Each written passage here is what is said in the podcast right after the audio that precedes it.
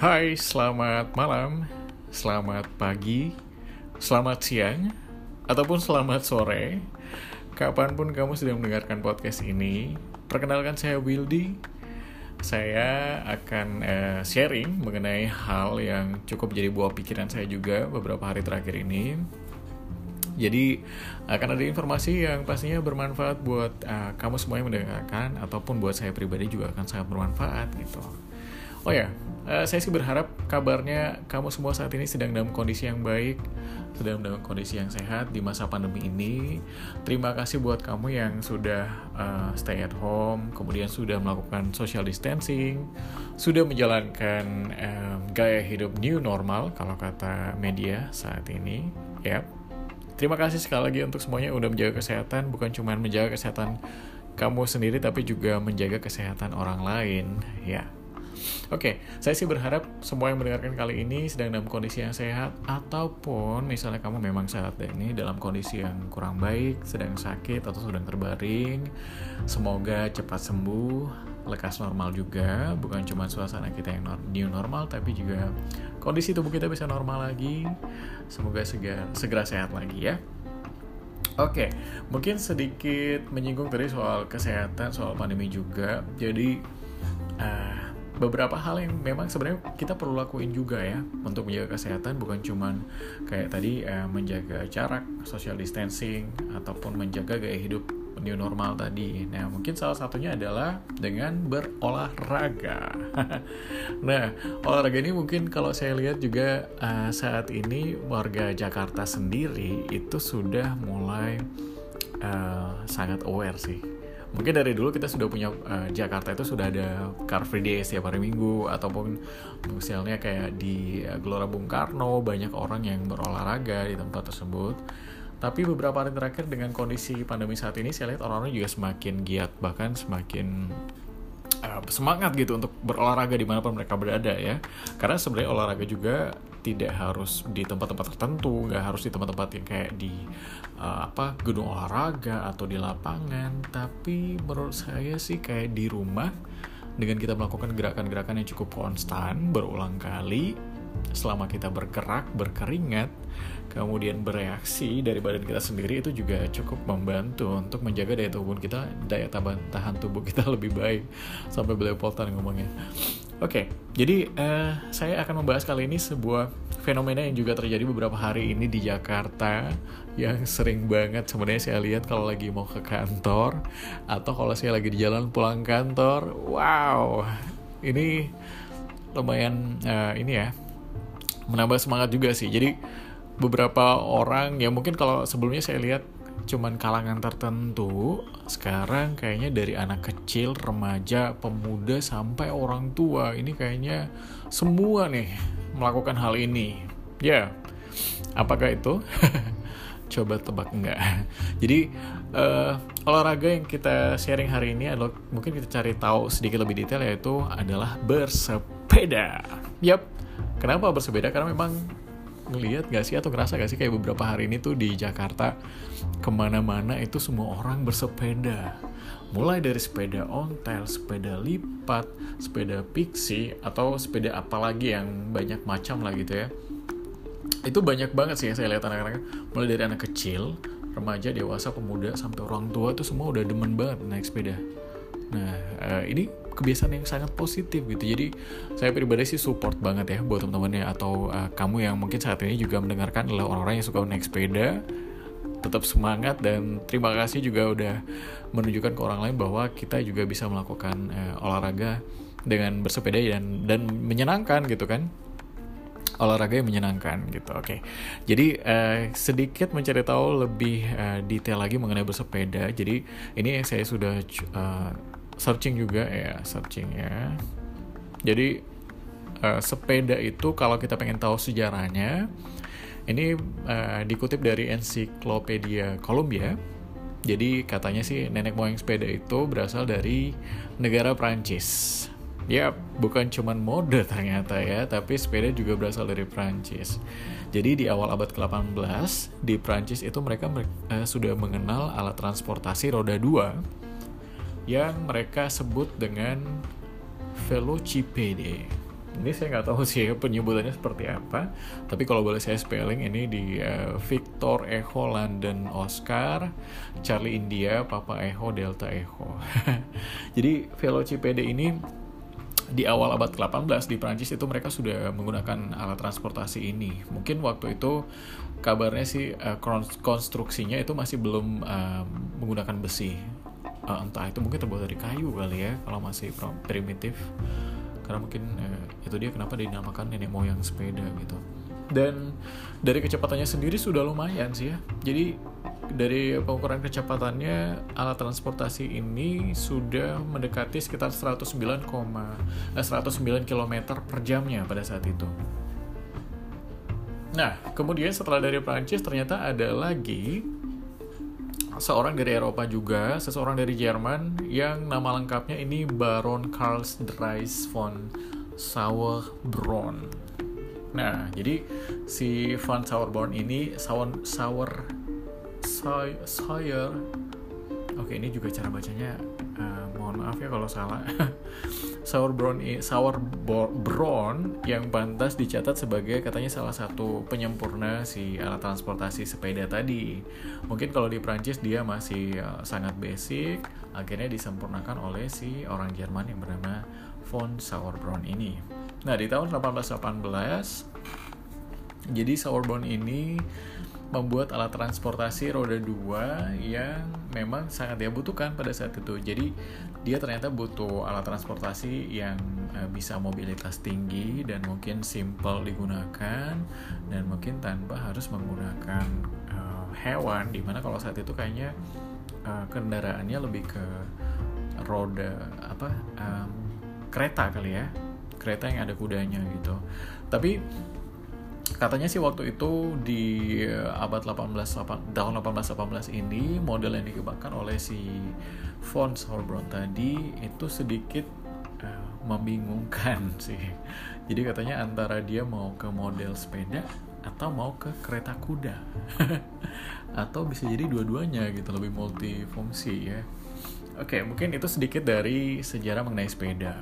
Nah, uh, yang akan mungkin saya sharing kali ini karena memang semakin ke sini saya lihat makin banyak orang yang naik sepeda semakin banyak orang yang uh, suka berkendara dengan sepeda ini di jalanan.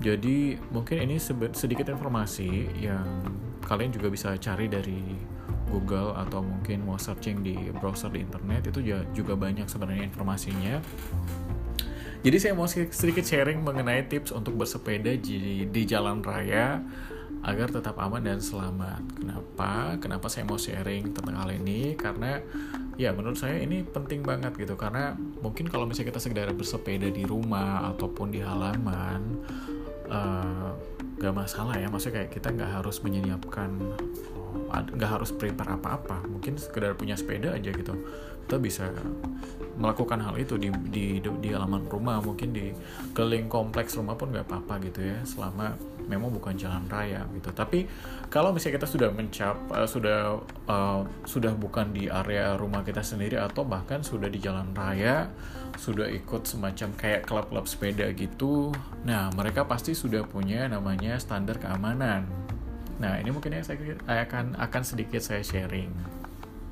Jadi uh, beberapa hal yang perlu diperhatikan, dalam bersepeda di jalan raya. Yang pertama, nah, yang pertama tipsnya adalah pastikan sepeda itu kita berada dalam kondisi yang prima.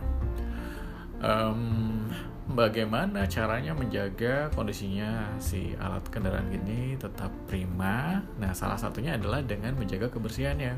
Jadi uh, misalnya kita udah pakai nih sepedanya mungkin kalau apalagi kalau kita sering pakai ya jadi kita juga harus sering menjaga kebersihannya. Mungkin setelah digunakan rajin atau rutin dibersihkan atau mungkin kayak seminggu dua kali apalagi buat yang sering mungkin bisa ditambah intensitas kebersihannya. Kemudian bukan cuma sepedanya tapi rantainya. Ini juga penting dicek kondisinya. Apakah kondisinya masih bagus atau mungkin ada sedikit longgar atau mungkin sudah mulai karatan. Nah itu bisa dipakai uh, misalnya pelumas pelumas kendaraan. Itu juga sangat membantu agar si kondisi rantainya tadi tetap prima kalau misalnya kita gunakan. Karena ini apalagi rantai sih ya itu itu vital banget sih menurut saya. Karena saya pernah mengalami sih kejadian ini kayak baru dalam waktu dekat ini tiba-tiba motor saya rantainya putus jalan. Dan itu tengah malam itu rasanya kayak okay, ini memang kesalahan saya gitu dan saya harus terima konsekuensinya dan ke depannya memang saya harus lebih aware lagi sih. Nah jadi menjaga uh, situasi bukan situasi tapi menjaga kondisi sepeda itu tetap prima itu penting banget. Mulai dari remnya tadi oh ya remnya juga ini penting banget sih. Uh, apa untuk di apa dijaga dicek kondisinya. Mungkin kalau kita misalnya ngerasa kita nggak terlalu tahu cara untuk menjaga atau mengecek secara detail kita juga bisa minta bantuan orang lain sih yang mungkin lebih tahu detail. Atau mungkin kita bisa juga bawa ke bengkel. Ke tempat-tempat yang memang uh, bisa membantu kita untuk melakukan pengecekan lebih detail atau melakukan perawatan yang lebih uh, profesional. Walaupun kita misalnya harus mengeluarkan uang tapi itu sangat penting untuk keamanan kita sendiri bukan cuma keamanan kita sih tapi keamanan orang lain juga penting ya kalau kita udah uh, berkendara di jalanan raya atau jalanan umum Nah, tips yang kedua atau informasi yang kedua ini gunakan perlengkapan yang sesuai kalau kita sedang naik sepeda di jalanan. Nah, perlengkapannya yang uh, kita butuhkan itu seperti helm. Helm tuh penting banget karena kenapa? Mungkin selama ini uh, saya sedikit sharing juga sih ya pengalaman. Saya sering menemukan orang-orang yang kadang bertanya uh, kayak misalnya saya pesan uh, apa apa uh, ojek online kata katakanlah mungkin jaraknya dekat terus um, si ojek online tadi nanya mas mau pakai helm nggak? Um, kadang saya emosi sih sebenarnya cuman uh, enggak lah. Jadi kita nggak perlu emosi menanggapi hal ini tapi kayak kepala kita itu nilainya tak terharga uh, tak terhingga harganya gitu kan.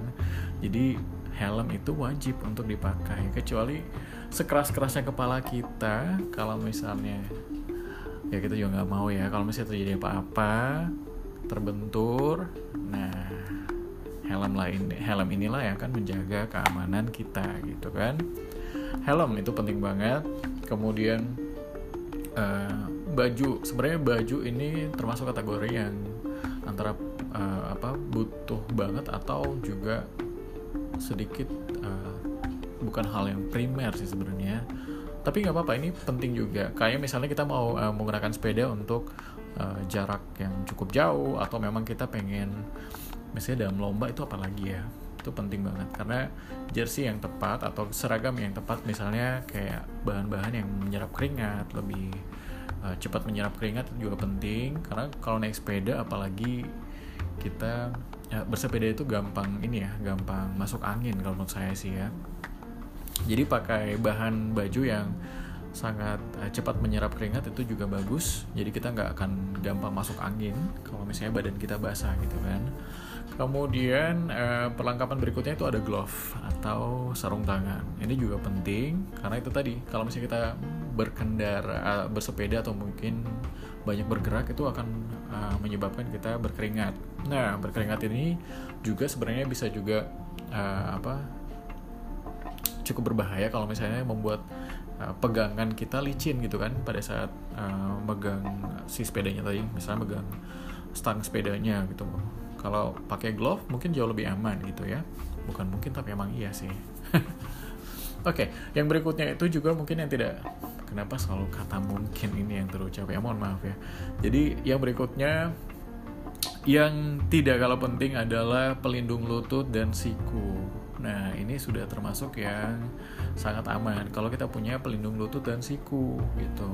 Karena untuk menghindari misalnya kita di jalanan terjadi apa-apa ini sangat membantu untuk menjaga keamanan. Kalau misalnya kita jatuh nih sikunya pasti yang biasanya duluan kena di apa di jalan itu pasti siku atau uh, lutut gitu. Jadi penting banget sih sebenarnya. Kalau memang kita pengen uh, apa berkendara atau bersepeda di jalan raya ya di jalan umum. Kemudian kalau bisa sih helmnya memang helm yang standar juga gitu. Karena uh, keamanan kita kalau menurut saya sih nomor satu ya jadi harga ada harga ada keamanan juga lah gitu. Kalau bisa cari yang memang uh, standar lah ya standar nasional Indonesia kalau SNI ada nah bagus banget tuh. Kemudian jangan lupa satu lagi yang tidak kalah penting yaitu jas hujan. Jas hujan itu juga cukup penting karena kita nggak tahu ya misalnya hari ini pagi gitu. Tiba-tiba dari yang tadinya cuacanya panas banget terus tiba-tiba hujan gitu. Karena uh, cuaca memang akhir-akhir ini cukup bisa berubah drastis ya dalam waktu yang cukup singkat. Jadi alangkah lebih baiknya kalau misalnya kita bawa jas hujan juga untuk jaga-jaga gitu. Nah itu tadi perlengkapan yang cukup yang, yang apa yang perlu kita bawa atau yang perlu kita miliki kalau misalnya bersepeda berkendara di jalanan umum atau jalanan raya. Next yang berikutnya atau informasi yang ketiga kita juga wajib ini wajib banget ya yaitu untuk mematuhi rambu lalu lintas. Nah rambu lalu lintas itu mungkin yang paling simpel adalah kayak misalnya ke pada saat kita ada apa di jalanan terus ada lampu merah gitu. Nah alangkah lebih baiknya kita menunggu sampai lampunya hijau baru kita melanjutkan perjalanan okay? karena bukan cuma menjaga keamanan kita, tapi ini juga penting untuk keselamatan orang lain gitu. Misalnya orang dari lawan uh, dari arah uh, mungkin samping gitu ya, apalagi di perempatan untuk uh, apa mengikuti rambu-rambu lintas itu sangat penting banget karena apa dengan menjaga keamanan kita atau mematuhi rambu lintas kita juga artinya menjaga keselamatan orang lain juga gitu yes Kemudian ini juga yang bisa dipelajari sih sebenarnya. Jadi ternyata bersepeda itu juga uh, apa? Ada ada semacam uh, apa ya trik? Ah, bukan bukan trik ya. Tapi ada isyarat isyarat tangan ternyata. Jadi misalnya kita mau belok kanan itu uh, kalau dari informasi yang saya dapatkan ini, jadi kita punya atau bisa memberikan aba-aba kalau misalnya kita mau belok. Nah, caranya adalah dengan sedikit mengangkat tangan kiri setinggi bahu, kemudian bisa memberikan aba-aba kalau misalnya kita mau belok. Misalnya mau belok kiri, oke, okay, kita angkat tangan setinggi bahu, kemudian kasih aba-aba bahwa kita mau belok sebelah kiri. Itu penting banget. Mungkin kenapa harus angkat tangan? E, karena posisi kita kalau misalnya tangannya ke atas itu jauh lebih kelihatan ya atau lebih jelas gitu. Kalau misalnya kita lagi di jalan raya, banyak uh, apa banyak distraksi kali ya. Jadi uh, apa memberikan isyarat kalau misalnya kita mau belok itu juga sangat penting. Kalau misalnya kita mau bol, uh, mau balik mau muter balik itu juga penting banget. Dan yang pasti itu tadi sih lampu merah itu paling paling paling uh, apa yang apa ya darurat banget lah apa ya bahasanya paling penting banget lah gitu untuk kita ikutin gitu ya. Kemudian jangan lupa kita sekarang di Jakarta apalagi ya? Jakarta itu udah punya banyak uh, trek-trek sepeda yang memang didesain khusus oleh pemerintah agar memudahkan para pengendara sepeda untuk lebih aman berada di jalur sepeda itu tadi. Jadi alangkah lebih baiknya kalau kita mengikuti jalur sepeda tadi pada saat berkendara bersepeda, baik itu kita bersepeda sendiri ataupun ramai apalagi ya, misalnya kayak uh, satu grup gitu katakanlah itu penting banget. Kemudian? Uh, kalau misalnya berkelompok itu penting juga untuk memperhatikan uh, sesama anggota. Tapi saya rasa ini setiap klub sepeda pasti tahu lah ya. Maksudnya kayak mereka punya uh, beberapa rules yang sudah mereka sharing ke setiap membernya atau ke setiap anggotanya bahwa uh, bersepeda yang aman itu seperti apa atau kalau misalnya mungkin kamu yang saat ini sedang mendengarkan podcast saya tahu informasi uh, isyarat-isyarat apa aja yang perlu perlu kita ketahui, uh, mohon di sharing ke saya, mohon di komen agar bisa saya uh, mungkin di next episode saya bisa kasih informasi atau tips yang yang kamu tahu untuk dibagikan ke teman-teman yang lain agar teman-teman yang lain juga tahu gitu ya bagaimana uh, apa safety safety ride kalau menggunakan sepeda di jalanan raya gitu. Nah, Tips yang berikutnya, atau ini tips yang terakhir, pastikan Anda selalu terlihat oleh pengendara lain. Nah, ini penting banget ya. Mungkin dulu sih ya. Jadi dulunya saya saya sendiri waktu uh, dulu masih polos-polosnya saya juga sering kadang-kadang ngeliatin orang yang sepeda dengan pakaian yang mencolok uh, dengan warna-warni yang mencolok itu uh, saya sering berkomentar dalam hati kayak harus banget pakai pakai pakai pakaian yang mencolok atau harus banget kayak pakai pakaian yang warna-warni gitu. Nah itu memang ternyata uh, ketidaktahuan saya ya. Mungkin saya waktu itu terlanjur terlalu polos berlebihan ya. Jadi ternyata menggunakan baju yang cerah dengan warna-warna yang uh, apa cukup ngejreng itu sangat membantu kita untuk menjaga untuk terjaga keamanan. Artinya orang juga di jalanan bisa lebih aware lagi akan kita pesepeda atau uh, pengendara sepeda di jalanan gitu. Bukan cuma warna baju juga sih, tapi ada uh, mungkin pernah kita lihat juga di beberapa sepeda, beberapa pengendara sepeda yang sudah punya ini kayak semacam alat uh, yang bisa memantulkan cahaya. Jadi uh, ada semacam bukan semacam banyak sih ya kayaknya di sepeda-sepeda zaman sekarang tuh udah punya dulu bahkan dari saya masih kecil juga banyak sepeda-sepeda yang punya alat reflektif gitu yang bisa memantulkan cahaya kalau di jalanan. Jadi lampu motor itu atau lampu mobil bisa reflect gitu cahayanya. Itu sangat-sangat penting banget sih. Kalau misalnya memang kita mau berkendara atau menaiki sepeda di jalanan raya punya uh, alat-alat yang bisa reflektif atau refleksikan cahaya kendaraan lainnya itu juga sangat akan sangat bagus gitu ya. Uh, apa atau kita juga bisa beli peralatan semacam uh, lampu sepeda. Nah itu kalau jenis-jenisnya saya juga kurang tahu cuman saya pernah beli sekali itu peralatan uh, lampu sepeda. Harganya juga nggak terlalu mahal jadi cukup relatif murah. Dan yang pasti itu juga sangat bagus sangat bagus gitu sangat bagus antara mau ngomong baik sama bagus ya. Jadi uh, penting banget ya kalau misalnya kita punya peralatan-peralatan ini atau alat-alat tambahan yang untuk bisa juga menambah uh, keamanan kita pada saat berkendara di jalanan raya. Yes itu tadi mungkin sedikit dari informasi yang bisa saya sharing kali ini. Sekali lagi saya mau ingatkan buat kamu semua yang mungkin tahu banyak atau mungkin yang bisa sharing informasi yang juga bermanfaat, mohon juga di-sharing ke saya. Karena kalau misalnya kamu punya informasi yang lebih detail lagi, itu mungkin bisa juga saya sharing ke orang lain atau saya buatkan di podcast berikutnya agar informasi yang kamu punya juga bisa bermanfaat untuk orang lain gitu. Yes.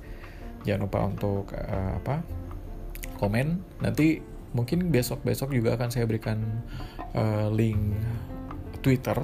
Jadi saya sih pengen banget sih sharing di Twitter karena saya Twitter followersnya sangat tidak ada. Sedih sekali. Nggak bercanda ya. Ya emang iya sih tapi saya juga nggak terlalu sering. Dan nggak penting juga dibahas mohon maaf ya Oke, okay, mungkin itu aja yang mau saya sharing kali ini uh, buat uh, episode berikutnya. Semoga informasinya juga bisa lebih detail lagi. Kalau misalnya ada yang kurang-kurang mau kasih saran buat saya, thank you banget udah mau dengerin. Oh iya, satu lagi nih, saya sedikit membahas hampir lupa nih tadi.